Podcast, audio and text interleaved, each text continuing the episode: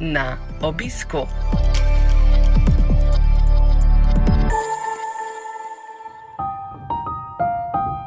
Z veseljem vam predstavljamo novo serijo podkastov na obisku. V dolgem vročem poletju vas bomo vsak petek opoldne povabili k poslušanju pogovora z nekaterimi zanimivimi strokovnjaki in člani Slovenskega združenja bolnikov z limfomom in leukemijo. Vabljeni k poslušanju.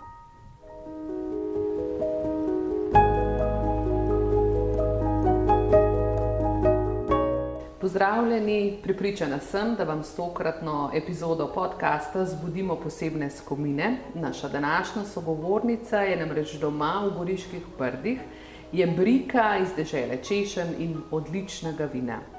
Na obisk smo se torej povabili k zdravnici, primariki, specialistki interne medicine in hematologije iz splošne bolnišnice Franca Drganca v Novi Gorici. O njej nam je ena izmed njenih pacijent bolnic povedala naslednje. Naša primarika je čedna in vedno lepo napravljena gospa, ki da veliko na urejenost. Je pa zelo dostopna, prijazna in srčna zdravnica. Do bolnikov nikoli ni odrezava, je pa pogosto tudi malo naša psihologinja. Primarika Nataša Fikfak, dober dan. Dober dan. Bolnice prej opazimo, da je naša zdravnica urejena, da da uh, na estetski videz, da je to pomembno, da da nekaj na to.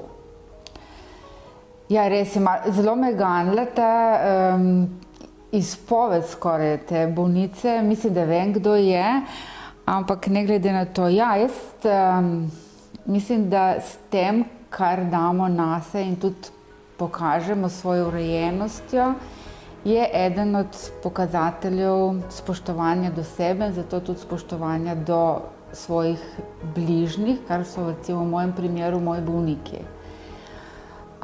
Druga stvar je pa psihološki, psihološka podpora, ki jo poskušam nuditi mojim bolnikom, je v bistvu del zdravljenja, ker to na srečo so ti hematološki bolniki postali kronični bolniki se pogosto vračajo v ambulanto, veliko imajo vprašanj.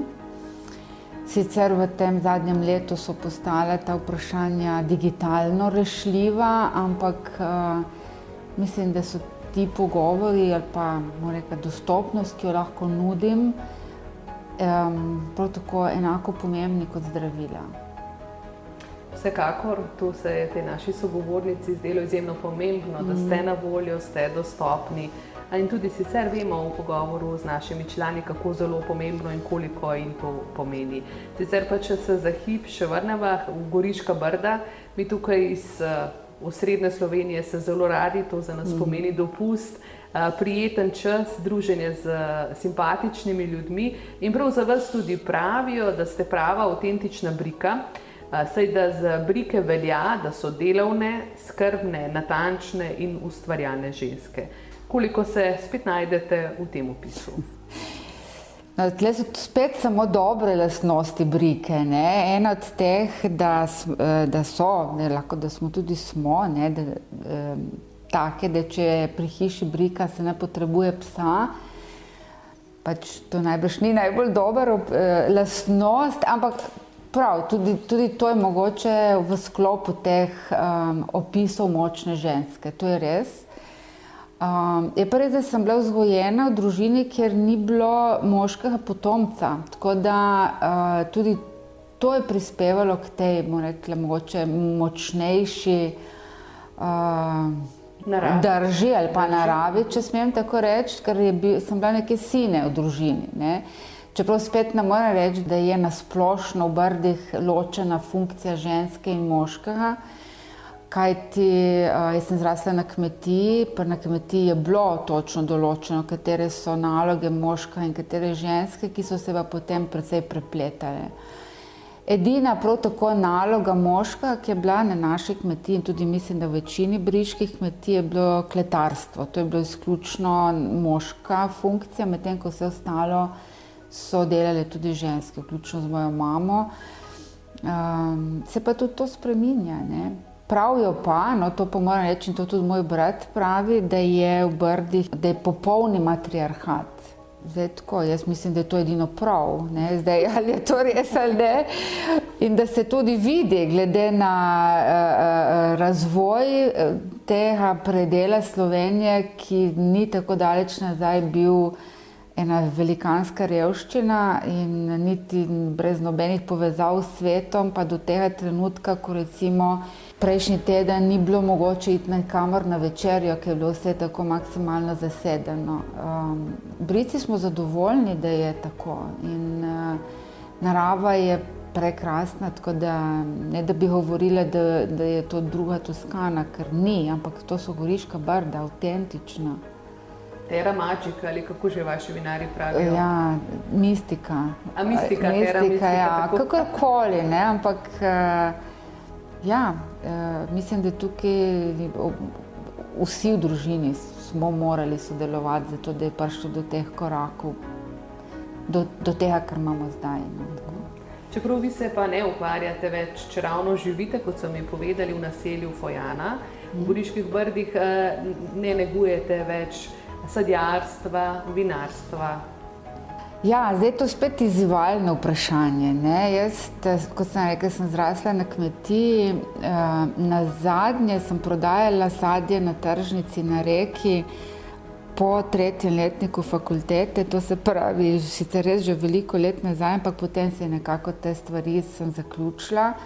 Izjemno sem imam rada še zdaj no, medicino in upam, da bom do smrti lahko to delala, ampak nekje plan B je tudi povratek k koreninam. Pravzaprav. Ne, da verjetno ne bom delala kmetije tako, kot si predstavljamo na veliko, ampak čutim pa vedno bolj to povezanost z, z zemljo z, in želim si pravzaprav, da bi znala ali pa vse obnovila tisto, kar sem. Verjetno no, ne tako kot pridobitniško dejavnost, ampak nek hobi, neko proizvodnjo v tem smislu. Um, no, recimo primer, kaj meni manjka v medicini zdaj, pobiranje sadov svojega truda. No, recimo kmet, uh, če enoletno Eh, rastlino ali pa kakorkoli goji, je potem nek rezultat. Mhm.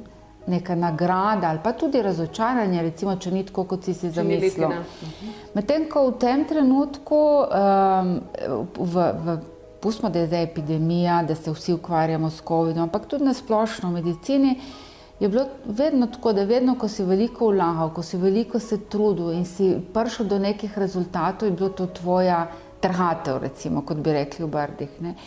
Zdaj pa je malo drugače, ne. zdaj smo se malo bolj prepletamo, malo manj se spodbuja, mogoče to ambicioznost. Je pa tudi res, da sem že v taki, bom rekla, senior, da malo se treba umikati in narediti pot mlajšim in učiti mlajše. Tako da zato moram eh, nekje se pripravljati tudi na to plan B.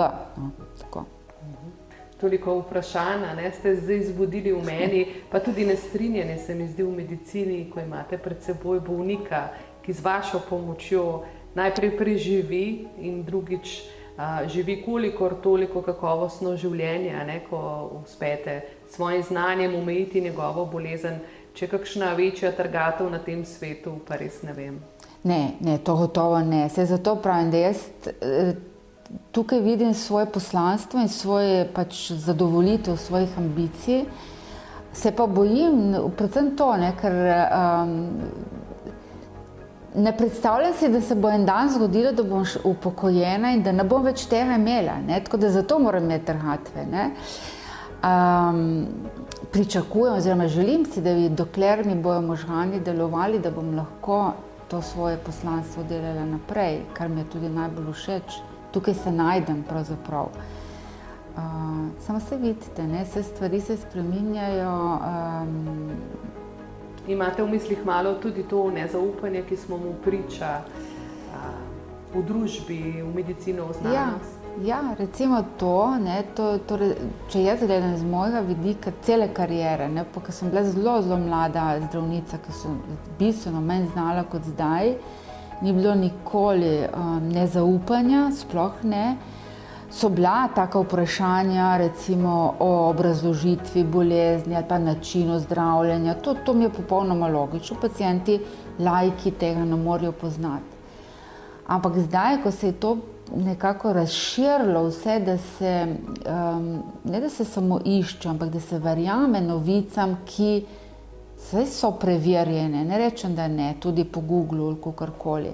Ampak lajk jih drugače razume.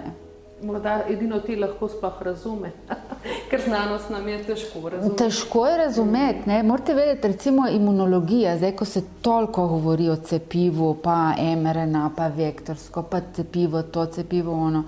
Recimo, morate vedeti, da mi, moja generacija, še nismo imeli imunologije na fakulteti. To se je zgodilo po letu 85, ko je ta razcvet imunologije, te mikroznanosti in sedaj tudi že subspecializacije in tako naprej. In je bilo meni zelo težko, pač jaz sem bila prisiljena se vključevati v to in veliko, veliko študirati, ker pač sem delala na takem področju, kot je hematologija in še prej reumatologija, ki bazirata obe praktično na imunologiji. In si potem se pustiš zavest v en pogovor z nekom, ki je popolni lajk. Ne? Težko verjamem, da se zdaj niti v srednji šoli ne naučiš toliko imunologije, da bi lahko to razumel. Verjamem, tudi predstojniki nekaterih šol v Sloveniji v resnici uh, imajo, kot smo slišali, malo znanja o teh rečeh. Uh, pravzaprav ne povezujejo recimo vzročno virusa in povzročitve bolezni. Povejte mi, primarika, vas to frustrira, žalosti, kako na drugi strani slišite to nezaupanje, kako to odmeva v vaših glavah in v srcih? No, jaz ponavadi iz tistega, um, da sem jezna, ko preberem kakšno tako stvar ali pa ko se soočiš takim uh, v tem kontaktu, v tem pogovoru, jeza, potem pa žalost. Mislim, kaj smo naredili tako, oziroma kako je sploh do tega lahko prišlo. Vem, težko bi posploševala, da smo slovenci po karakterju taki nezaupljivi, da v drugih državah tako ni, ker najbrž je povsod v tem trenutku tako. Mogoče na splošno, ali pa da bi rekla, da je stroka tukaj zatajila, tudi ne morem reči. Zato, ker veste, stroka je avtoritativna takrat, ko je absolutna, ampak absolutnega ni. V medicini, veste, če bi bilo tako enostavno, da bi medicino dal v nek algoritem, bi verjetno to prevzeli že zdavnaj roboti oziroma umetna inteligenca. To si želimo, da bi umetna inteligenca nam pomagala in so veliko takih področji, kjer lahko pristopi, ne, predvsem recimo zbiranje podatkov, iskanje recimo, najboljših rešitev iz nekih podatkov. Ampak tega verjetno še nekaj časa ne bo nadomestilo obravnave nekega bolnika z boleznijo. Nekaj spravim, da o bolezni lahko znaš prav vse in prebereš tisoč člankov. Ne? Bolnika imaš pa pred sabo in ti ga moraš njega prebrati. Bolezni je enostavno, opreš Google, opreš karkoli, up to date, knjigo, pokličeš kolega, vse. Ampak, ko pa imaš pred sabo in bolnik ti potem, recimo, da že vse naštudiraš, ko mu že vse poveš, kaj bi bilo najboljše, teče, jaz se pa s tem ne strinjam. Kaj potem? Jaz sem se naučila v teh letih na, svoj, na pacijentih, da vedno si pustimo odprto pot. Jaz povem pa, če sem vam ponudila to, po mojem znanju v tem trenutku je to najboljše, ker v to jaz tudi verjamem. Seveda, moramo se v dogovoru odločiti, kako bomo naredili, ampak pot k meni je vedno odprta. Prej slej se vrne. Ker, in kaj, ne bom pomagala, jaz sem zdravnik. A veste, to je tako, kot rečejo zdaj za to cepljenje. Ja, tisti, ki se ne bojo cepili, pa zdravniki ne bomo zdravili. Noben zdravnik tega ne bo naredil. Veste, to je naša osnovna dejavnost. Pomagati bolnemu. Tako. In ena zadnja, tudi vsakdo za svoje odločitve sprejema lastno odgovornost. No, v tem konkretnem COVID primeru sicer seveda tudi uh, gre za širše implikacije.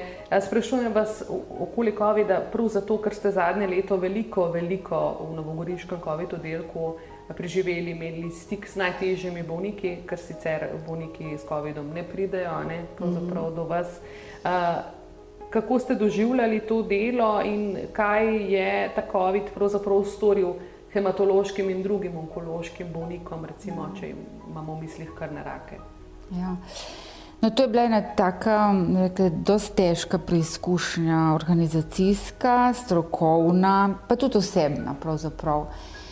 Mi dva s kolegom, oziroma trije smo v timu v tem trenutku hematonkologije v naši bolnišnici in seveda vključili smo se v to dejavnost COVID oddelka s tem, da seveda kot hematonkologija je bilo področje, kjer je kontinuiteta nujna. Tako da um, nismo odjavljali ambulant, naši bolniki so bili, moram reči, tudi nekateri zanemarjeni v tem smislu, da niso pravočasno dobili obvestila ali pa smo odjavljali ambulanto in pacijent mogoče kak ni dobil takoj termina, tako kot bi mogoče v normalnih razmerah bilo. Vendar izjemno srečo imamo naš tim, da imamo ta dnevno bolnišnico, kjer deluje Stanko, Klemen, Katarina, Nina, da jih imenujem samo to ekipo krasnih ljudi, brez katerih bi mi letos verjetno mogli zapreti oddelek.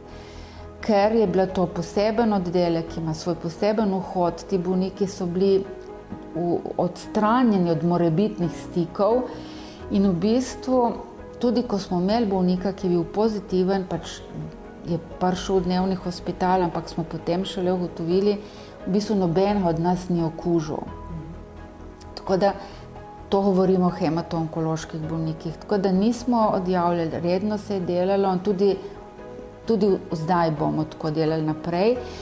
S tem, da smo zelo veliko se angažirali, moram reči. Tako da smo um, podaljševali ambulante popovdne, tako da smo bila s kolegom včasih do povdne na, na oddelku, popovdne v ambulanti, tako da je teklo. Kar sem se pa na COVID-u naučila, ne, to je bilo pa tudi pri meni evolucija zgodbe. Pravzaprav. Od tega začetka, da se mi je grozno upiralo, ker se nekaj pa ne mogoče, da bom jaz delala na COVID-u in potem popovdne s onkološkimi bolniki, to pač ne gre skupaj in sem se grozno upirala temu. Pa do tega, da pač starostno omejitvijo mi ni treba dežurati in tako, ampak sem potem se sama pri sebi odločila, da bom to naredila zaradi uh, bolnikov in zaradi kolegov, da lahko prispevam k temu. Naučila sem se od začetka, o dihanju, o pljučnicah, o COVID-u na splošno, ker nismo tega znali. Uh, naročila sem se delati, delati v takem zaprtem okolju, kar je bilo tudi dobra izkušnja.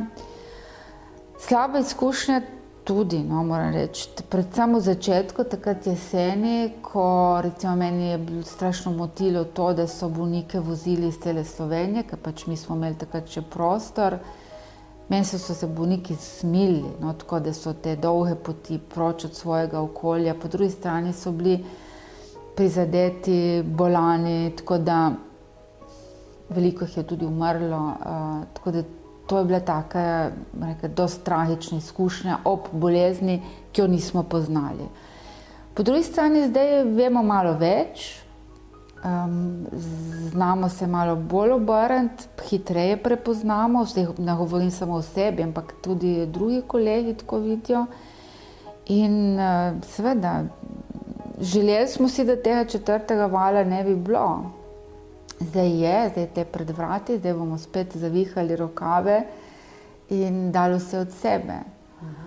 Um, no, drugo, kar je bilo, pa mogoče bolj zabavni del tega COVID-a, je bilo to grozno preoblačenje. Jaz sem kot si nisem mislila, da bom na stara leta, če smem tako reči, se mogla toliko krat na dan preobleči v službi in delati z masko, kar mi vsa ta leta ni bilo potrebno. Sem se naučila pravilno obleči, pravilno dati rokavice, masko um, vezir, vse to. Da, uh, in dejansko, pri, mislim, da sem bila več kot 50krat naredila bris, nikoli pozitivna, cepila sem se že januarja, ker sem verjamem v to. Uh, vseeno sem se pa hodila brisati, vedno, ko sem delala na onkologiji. Tako. Če se zdaj uh, predstaviva malo tudi v vaše zasebno življenje, fik-fak, ta priimek, vsak, da je vprašal, ne, ko smo se pogovarjali, da se srečamo danes, Ali je primarika, ki je v sorodu z drugo zdravnico, ki se prav tako piše Fikfak? Verjetno smo. Verjetno. Sicer Fikfak je moj dekliški prijemek, medtem ko je od uh, kolegice uh, možev prijemek. Sva se tudi spoznali in pogovarjali o tem, verjetno smo v sorodu, se toliko nas ni. Čisto malo, ne? Nas je zelo malo. Poskušala sem jaz tudi pred leti iskati neko družinsko drevo, ampak se zelo malo ustavi, uh, oziroma takrat se je ustavilo, ker ni bilo še toliko podatkov, razen v cerkvah.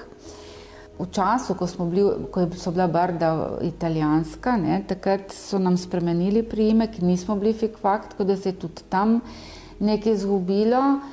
Drugače pa fikvako nas je malo, ne, največ nas je dejansko v Sloveniji, v Brdih, Potem je neki sorodniki so v Franciji, ki so se preselili pred drugo svetovno vojno, že tam in z njimi imamo stike, smo v sorodu. Uh, najdla sem eno osebo, ki je v Združenih državah in eno v Južni Ameriki, verjetno so spet neki, ki so se odselili, takrat, ko Brda res niso imela možnosti preživetja. Uh, Je pa res zabaven priimek, no hočem reči. Jaz, uh, uh, takrat, ko sem se poročila, ne seveda, prvo se, se ti zazdi, da bi mogel vzeti priimek kot moža, ne, ampak sem nekaj veš, kaj, jaz sem toliko ne pretrpela, ne, ampak sem toliko zgodbic je bilo na moj priimek, da je res škoda, da bi ga zamenjala. No. Uh, Eh, od tega, da se napiše na različne načine, s črtico vmes, ja. z veliko, z malo, potem da se dodaja cel pred kajem, Ma, vse mogoče. Ne? Je pa res, vsak se ti pa zapomni. Vsekakor, če ja. imaš ta prima, ga nikoli ne poznaš. Jaz mislim, da, sem, da me ne ljudje poznajo samo po priimku, ampak tudi po drugih stvareh. Ampak eden od teh je pa gotovo priimek, ker prepoznavni znak. No. Dobro, omenjali ste sorodnike v Franciji, pa primek, ki je sicer avtentičen, avtohton na Goriškem. V Avstraliji ga ni, ker sem slišala, da ste bili dvakrat tudi v Avstraliji, Aha. med drugim na poročnem potovanju pri sorodnikih pri moževih sorodnikih. Ja. V bistvu jaz zelo, zelo rada potujem. No, sej, um, tako da sem že kar nekaj videla. Nisem tisti avanturistični popotnik, to ne, ampak tako raziskovalno. Gurmanski, bolj v tem smislu. No, sorodnike pa imamo in mož v Avstraliji, tako da prvič smo šli tam res v smislu nekega poročnega potovanja in sva imela srečo, smo zelo, zelo veliko videli. Uh, Drugič sem pa bila s hčero našo, ki je še večja raziskovalka kot jaz in so posebni užitki potovanja z njo. Smo pa prav tako obiskali njegovo družino, so v bistvu vsi že rojeni tam. Je bilo pa izjemno ganljivo, te, ta potovanja, zdaj, ker ni več teh starih sorodnikov, ki so bili rojeni v Sloveniji, ki so šli v Avstralijo po vojni ampak so njihovi potomci, ni več tako ganljivo, kot je bilo takrat, ampak še vedno ne, se to, mm, korenine so tukaj. Ne. Eh, in jaz sem kol nisem to razmišljala, ampak ti moji sorodniki iz Francije zdaj tudi prihajajo k nam, to je zdaj že bistvu peti rod. Ne.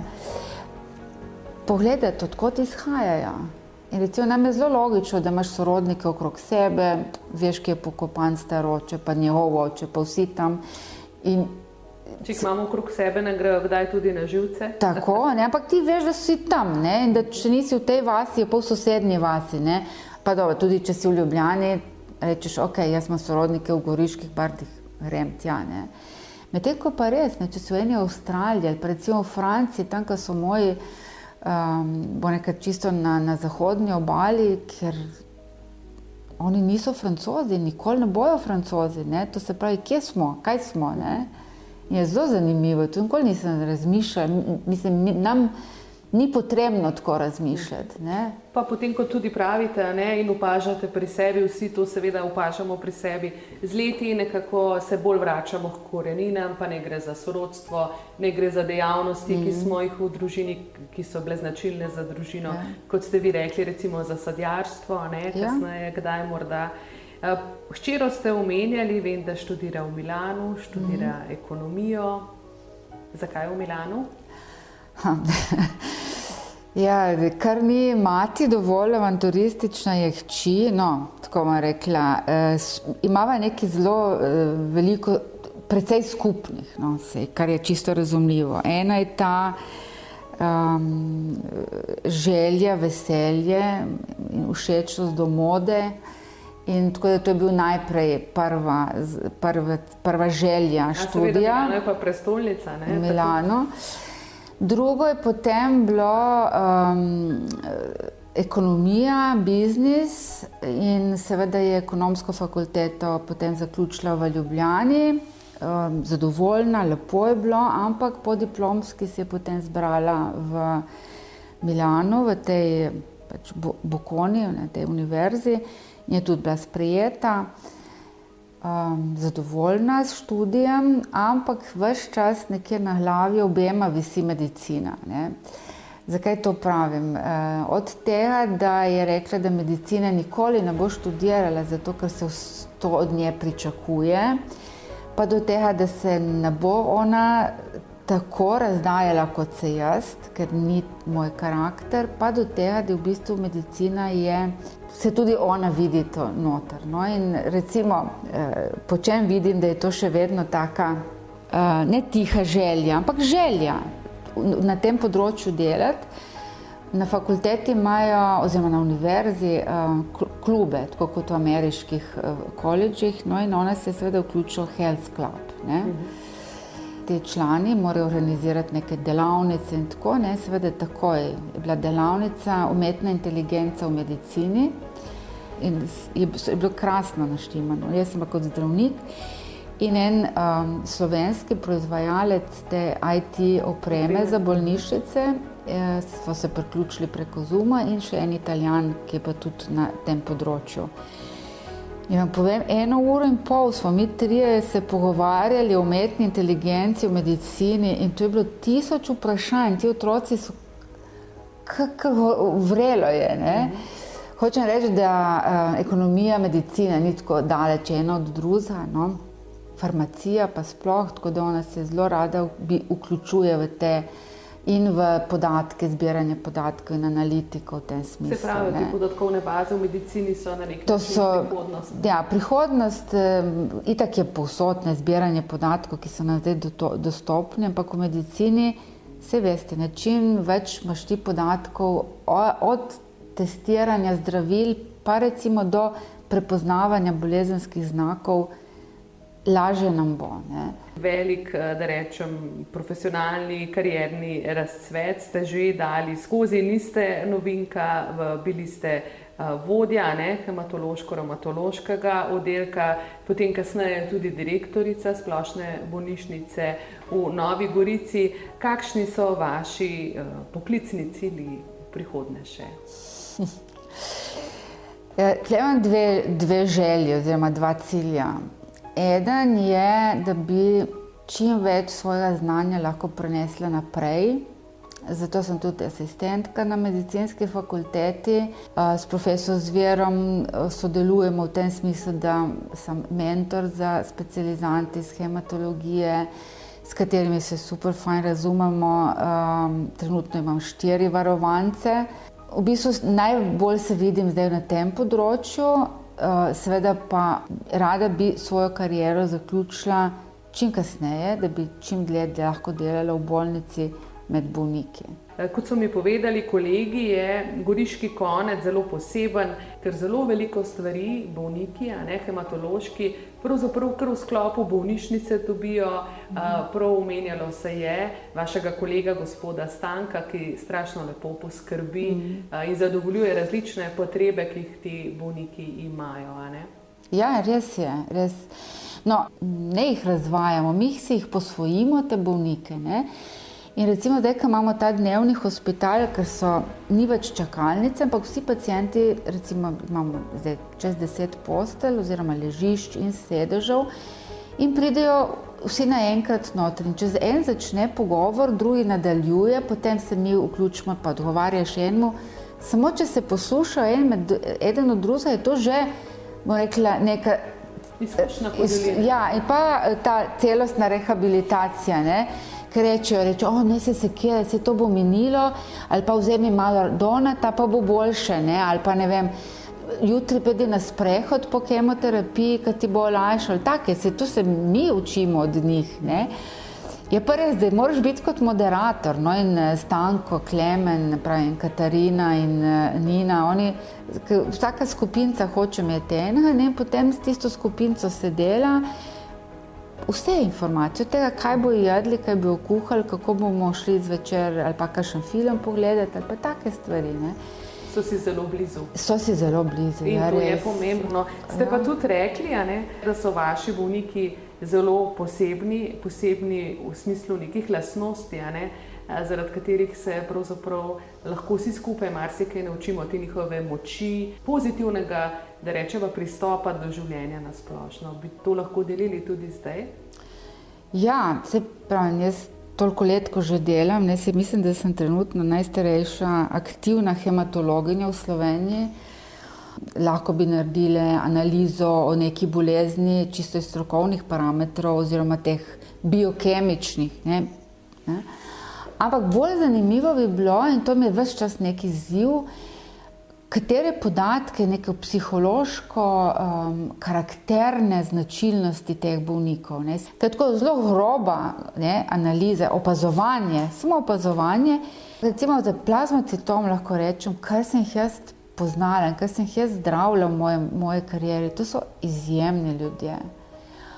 Od tega, da seveda se zbližaš, če ti pridijo, veste, vsak teden na pregled, prej ali slej, ali se popolnoma zbližaš, ali pa se moraš umakati, če nisi kompatibilen, kompatibilen če, ne, če ne zaslutiš tega eh, prenosa. Ne? ne vem, če je bil eden tak, no, moram reči, da se v tem trenutku se niti na enega ne spomnim. Ampak so to res, to so posebni ljudje, res um, zelo bolani. Tudi če imajo vprašanja, tudi ko so pomisleki o zdravljenju, večinoma so pa izjemno zaupljivi, oziroma tem se ti podajo v roke. Kako bi vam rekla?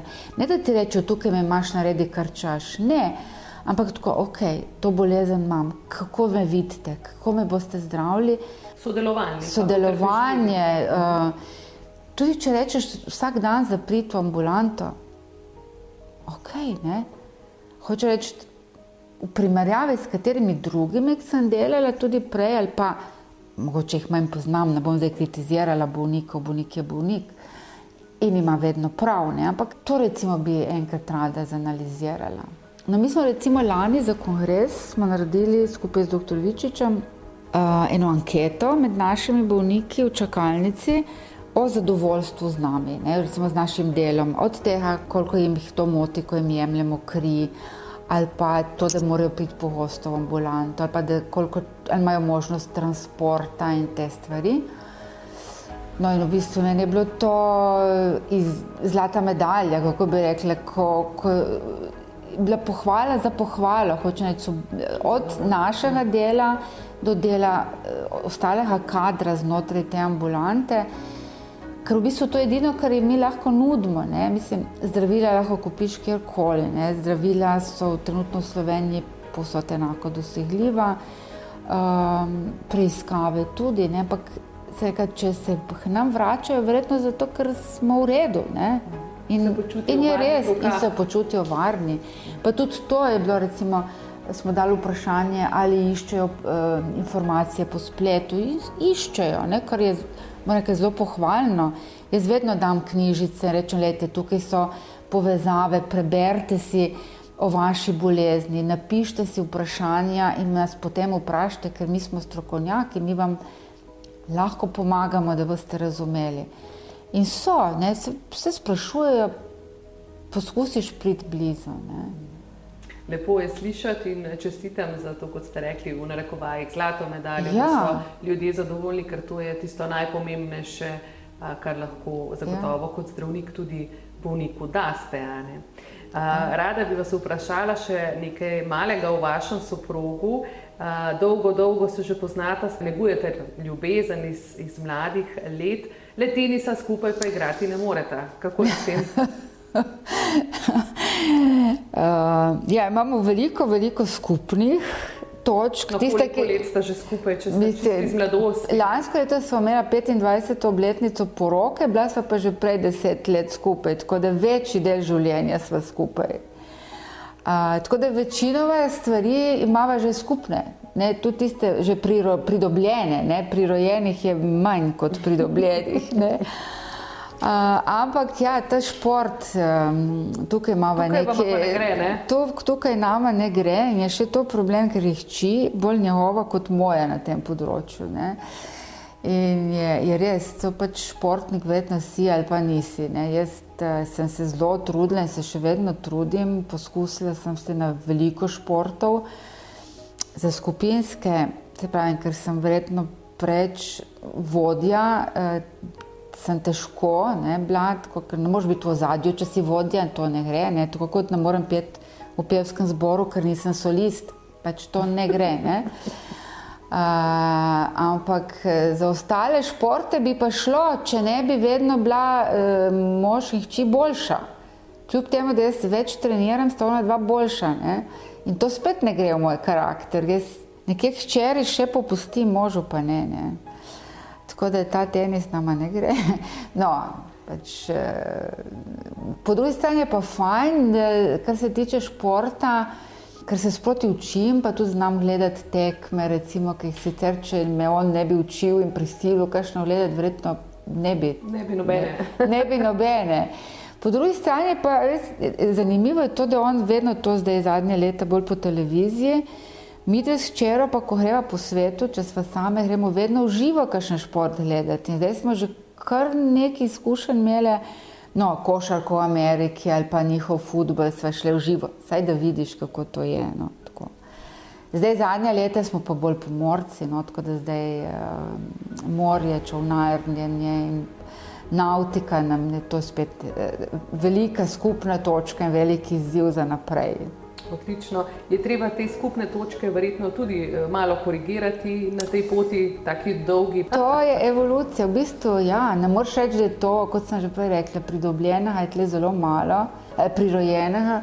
V bistvu vse skupaj vzhajava. Ne? In je potem otrok, ki odrašča in ki postane tudi odrasla oseba, pa nov družinski član, ki pride z otrokom noter. Ne? Tako da uh, evolucija tudi odnosov in pač novih interesov. Jaz to mislim, da če zdaj ni tako, mogoče čez par let, čez, bo čez, čez nekaj, čez čas bo drugače. To, to mislim, da mora človek bi moral znati sprejemati. Ker veliko konfliktov tudi pri nas doma se je zgodilo vedno tako. Ja, pa še včeraj si mislila popolnoma drugače. In, ja, sam ne, ampak. Danes je pa že. Danes sem si premislila. Dobro. Doktorica Nataša Fikpak, primarika, najlepša hvala za to srečanje.